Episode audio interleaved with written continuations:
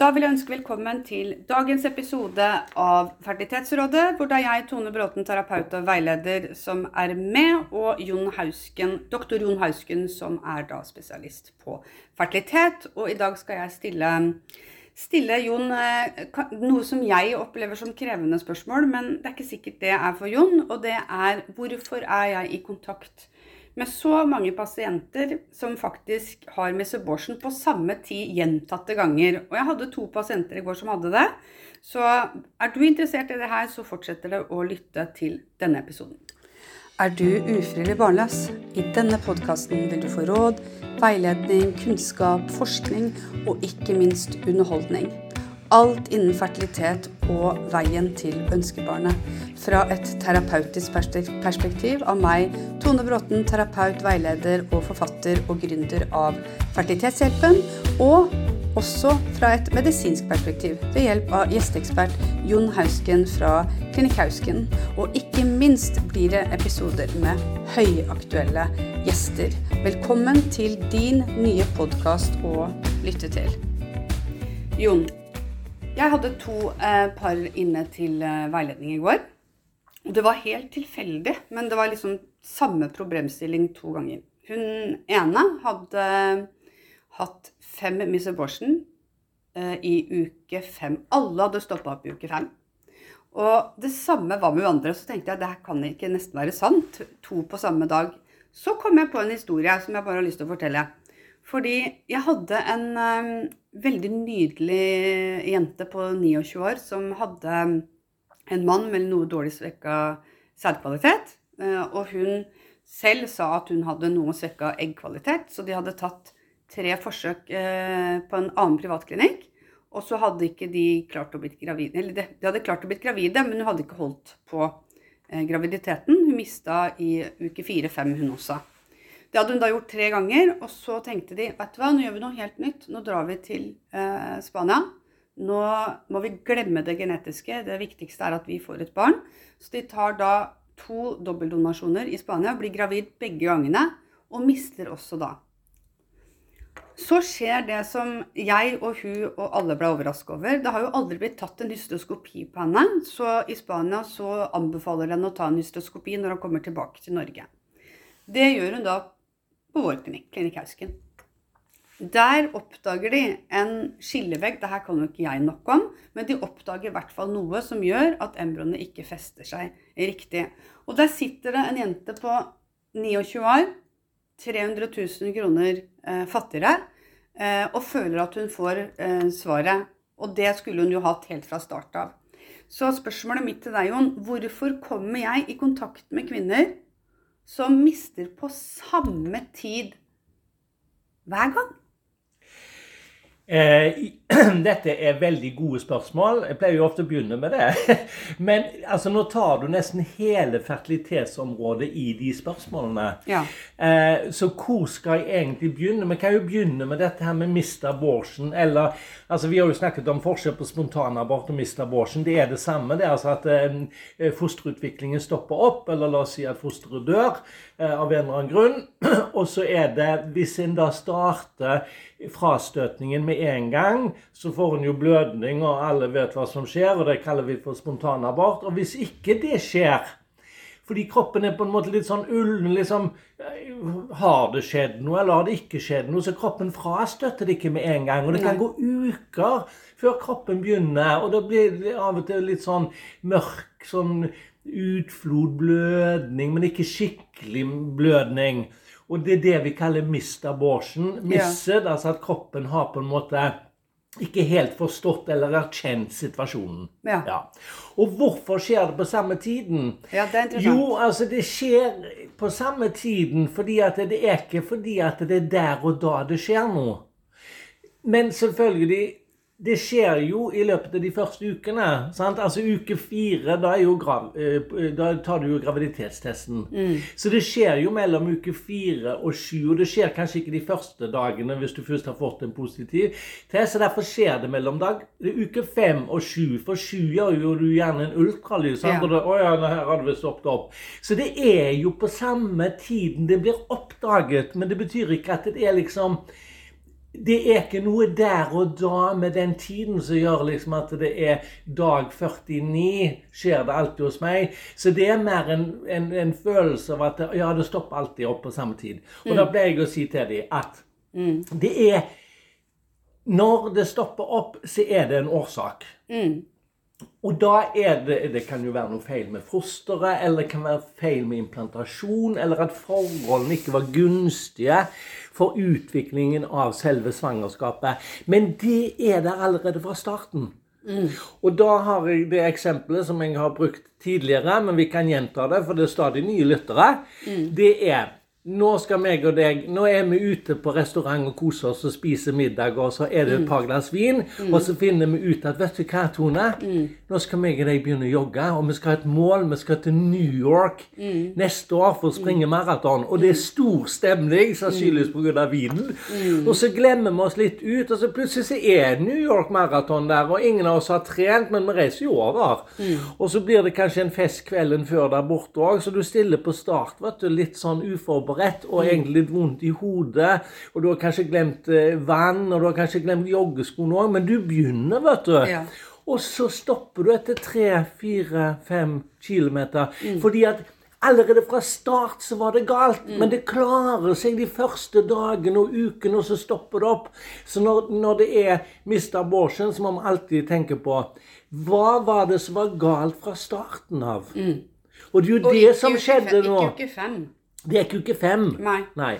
Men det kan, det kan, være at det når til uke fem, men liksom om det når til uke fem eller fem og en halv eller seks, og neste gang til fem og en halv, så føler du at det er på samme tiden. Ja. Men ja, det er der det stopper opp. Fordi at det er de som aborterer eller stopper opp i uke 11, 12, 13 og senere, mm. da er det andre årsaker. Ja. Så dette er de typiske abortene. Ja. Men så kommer du inn på hun ehm, hun eh, som hadde den, det septumet.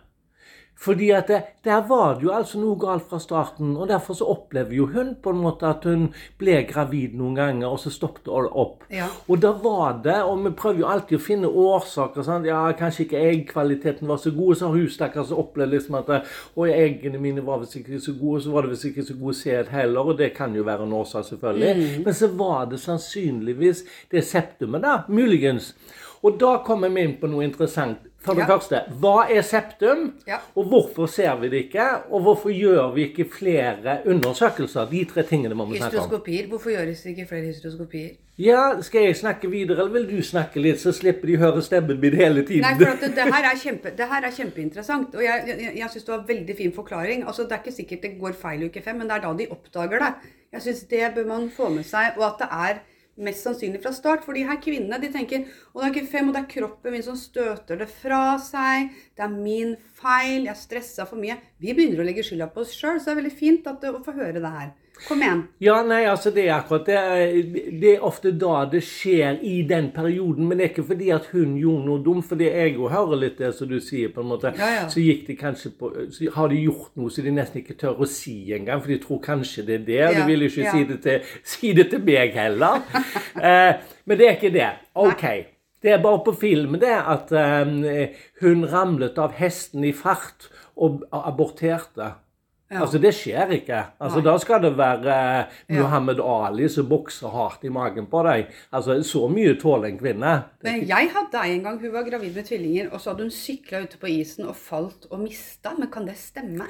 Jo, altså hvis du begynte å få litt mage, på en måte, eh, ja. så er det jo Men, men en kvinne tåler, tåler veldig mye. Der, ja, altså, ellers, det. ellers må du jo slutte å samleie. Ja, og det skal du jo ikke. Nei. Nei. Ok, men så er det dette her med Norge og utlandet.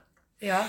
Og der er det jo store forskjeller på å se på en måte se en problemstilling. I mm. Norge så er vi vant med at vi skal ha på en måte Vi skal gjøre så lite som mulig, mm.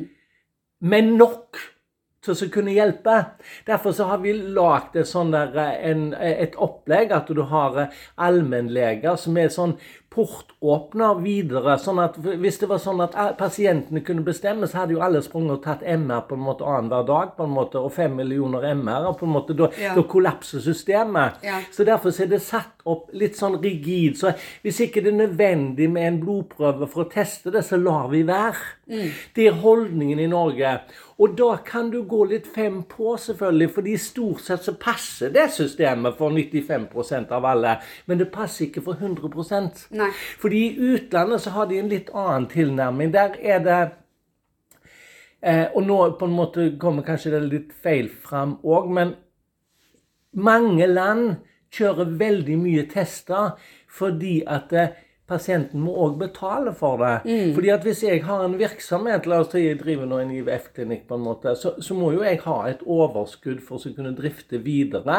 Og hvis jeg da kan ta de og de testene som er naturlige, men de, penger, de tjener jeg òg penger på, mm. da blir det til at du tar mer tester òg. Mens i Norge så får du liksom ikke betalt for å ta de testene, og derfor så mm. blir det mindre. Mm. Men hvorfor gjør vi f.eks. ikke mer av hystroskopier? Ja. Og da er det det samme opplegget igjen. At de fleste har jo en normal livmor. Og spesielt hvis det ser normalt ut på ultralyd, så er han jo stort sett normal. Men så er han jo ikke det hos alle. Så i Danmark så har det vært sånn vanlig at, eh, at de tar hystroskopi. Selvfølgelig på indikasjon hvis de ser noe. Ja, ja. Men hvis du ikke ser noe, så tar de det etter tre forsøk som er negative. Tre negative ja. forsøk. Mm. Og det har vi lagt oss på òg i perioder, men så er på en måte stort sett alle de hystroskopiene normale, og så har vi liksom, føler vi litt dårlig samvittighet at vi liksom har anbefalt noe, så har pasienten liksom betalt 7 8 9 10 000 kroner for mm. å gjøre det, så var det kanskje totalt unødvendig. Mm. Men det er en del funn med livmoren, og hva er det septet med? Jo, hvis, hvis en prøver å se for seg at eh, vagina livmorhalsen og livmoren, egglederen og eggstokkene, de dannes av fire rør. Hvis vi setter fire sugerør nå opp ja. mot en annen, ja. så vil du da Så smelter de sammen. Nede smelter det helt totalt sammen, sånn at det blir ett rør. Mm. Og det skjer oppover i livmorhalsen. Men når du kommer opp i livmorhulen, da, så er det sånn at du får en sammensmeltning men det er ikke alltid at den går helt til toppen av livmoren. Så derfor så får du på en måte akkurat liksom at det, deler seg litt opp mot høyre i to strå og til venstre i to strå. For de skal jo ende til slutt i en eggleder i ett strå der oppe. Ja, Og da kaller vi det for at livmoren har litt sånn Hvis det er uttalt, så ser den litt sånn hjerteforma ut, på en mm, måte. Mm. Og der er det veldig mange kvinner som faktisk har noe vi kaller det utviklingsfeil, men det er jo ikke store feilene. At de har en liten sånn tapp som henger ned, og på den tappen så kan det henge noe som vi kaller for nesten en slørform i.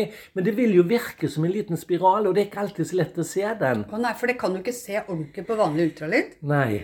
Ikke hvis det er en sånn slørform. Altså slør det, det, det, ja. Du ser ikke og det. Og da må du ta hystroskopi for å se det. For da går du inn med kamera. Ja, men det som er litt viktig, da, det er jo at det, eh, kanskje er det òg legene sin feil lite grann. fordi at det, du, du, finner det du er interessert i. Ja. Og jeg er blitt, uh, uten at liksom jeg er spesielt god, så har jeg på en måte vært veldig obs på akkurat det der. der sånn at jeg, når jeg undersøker, så, så leter jeg alltid etter hvordan ser taket ut i livmoren. Mm. Eh, er han litt sånn at han nebber litt ned, altså ikke fullstendig fordi hvis han gjør det, så må du tenke her kan det ligge et septum i tillegg, og det ser vi jo ikke på ultralyd. Mm. Så kjører vi jo nå nesten alltid 3D. Og så på en måte kunne fange bildet. Da får du litt mer informasjon. Men er du litt sånn usikker at dette kan jo være Og så vet du at de skal gjennom behandling som koster mye penger. Vet du hva? Vi undersøkes først. Ja. Men hvis de, altså de her pasientene som jeg hadde i går, da, og de hadde kommet til deg og de hadde fortalt og jeg mista uh, uh, i uke fem hver eneste gang, da hadde jo ikke du tenkt at det var sånn veldig spesielt, egentlig. Da du tenkte at ja, du sier uke fem, men det kan ha mest sannsynlig tidligere. Hadde du ikke tenkt det? Hadde du tenkt at Jo, i utgangspunktet så ville jeg tenkt det. Men ja. det er klart at eh, så snakker vi jo gjennom det. Og så gjør vi jo en undersøkelse òg, og da vil jeg jo spesielt se fordi at det handler om egg spermier og livmoren. og livmor. Mm. Og, så er det klart at du må jo på en måte Er det noe en kan ha oversett her tidligere? Mm. Eh, og, og, det er klart at eh, leter en, så er, har en lettere for å finne ting òg, på en måte. Mm. Altså istedenfor bare å gjøre noe Ja, her ser det veldig fint ut. Da må du kanskje være litt mer grundig, da. spesielt en sånn som har opplevd det som hun gjorde. For ved partnerdonor, altså dobbel Ja. Altså, Da må vi jo gå ut ifra at embryoene var sikkert veldig fine. Det var det jo. Og da vet vi at det, no, altså det er jo en grunn til at Ja, du aborterer. Du Ja. skal jo ikke det. Nei. Og det, det, det er så bra du sa det, for at det, det opplever jeg som mest krevende hos de jeg sitter med og sier Så sier jeg ofte sånn Ok, hva skyldes at dere må gjennom IVF? Og så sier de at nei, de har ikke funnet noe. Vi har abortert nå eh, fem ganger. Vi har blitt gravide, men abortert fem ganger, men, men det er ikke funnet noe. Og så, men jeg sliter så fælt, for jeg klarer jo ikke å akseptere at det ikke på en måte er en feil. Og sånn er jo vi mennesker. Vi ønsker jo å finne ut hva som er feil. Når lege etter lege sier at nei, det er ikke noe feil, men du aborterer Du blir gravid med en gang og aborterer hver gang. Ja, men det er alltid en feil. Det, det er det jeg mener. Ja, altså Det er aldri tilfeldig. Nei. Nei, det er, ikke, det er ikke flaks eller uflaks. Nei. Men spørsmålet er kan vi gjøre noe for å bedre den tilfeldige Ja. situasjonen som oppstår? Det er ikke alltid vi kan. fordi at det, hvis, hvis vi nå tenker egget, og hvis, hvis vi bruker litt matematikk nå, da La oss si at eh, fordi dette forstår de fleste. Eh, la oss si at eh, pga. at jeg nå er blitt eh, 34 år, som ikke er noe spesielt høy alder Heldigvis de fleste av de blir lett gravid, så liksom, la oss ikke gjøre det verre heller. Men noen eh, møter da et problem med at eh, en del av eggene har ikke så god kvalitet lenger. Og hvis vi da sier at det er én av fem som er normale Én av fem. Så har du mannen. Og én av fem er jo 20 Ja. Men det blir verre.